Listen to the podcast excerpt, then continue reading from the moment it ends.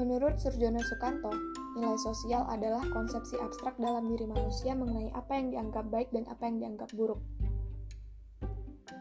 Menurut Notonegoro, nilai sosial dibagi menjadi tiga, yaitu nilai material, nilai vital, dan nilai kerohanian. Nilai material adalah segala sesuatu yang berguna bagi sesama manusia.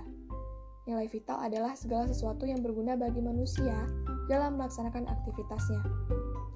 Nilai kerohanian adalah segala sesuatu yang berguna bagi kebutuhan rohani manusia. Nilai kerohanian dibagi menjadi empat, yaitu nilai kebenaran, nilai keindahan, nilai moral, dan nilai keagamaan. Kemudian menurut ciri-cirinya, nilai sosial dibagi menjadi dua, yaitu nilai dominan dan nilai yang mendarah daging.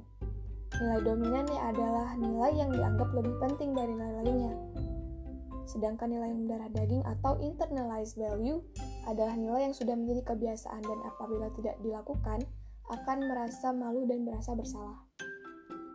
Ciri-ciri nilai sosial Satu merupakan konstruksi masyarakat sebagai hasil dari interaksi sosial. Dua, disebarluaskan melalui proses sosialisasi, akulturasi, atau difusi. Tiga, terbentuk melalui proses belajar. Empat, bertujuan untuk memenuhi kebutuhan masyarakat.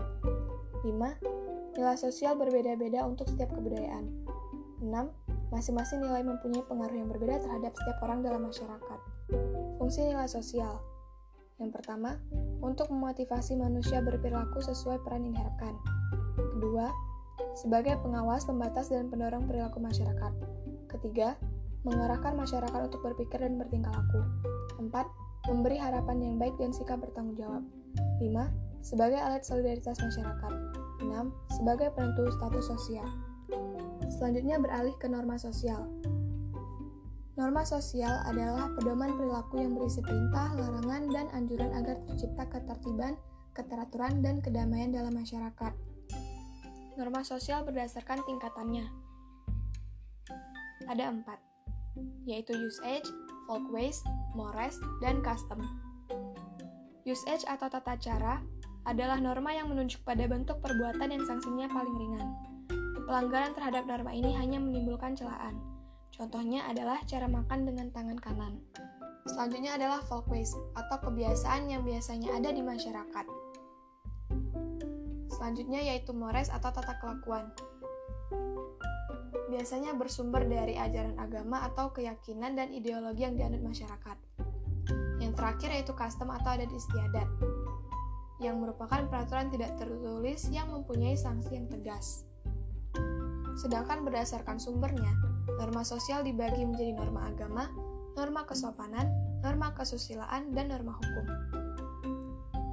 Fungsi dari norma sosial yaitu sebagai wahana untuk menertibkan kehidupan sosial, sebagai pedoman bertingkah laku di masyarakat, dan sebagai alat kontrol sosial di masyarakat. Ciri-ciri norma sosial yang pertama hasil dari kesepakatan masyarakat. 2. Pada umumnya tidak tertulis.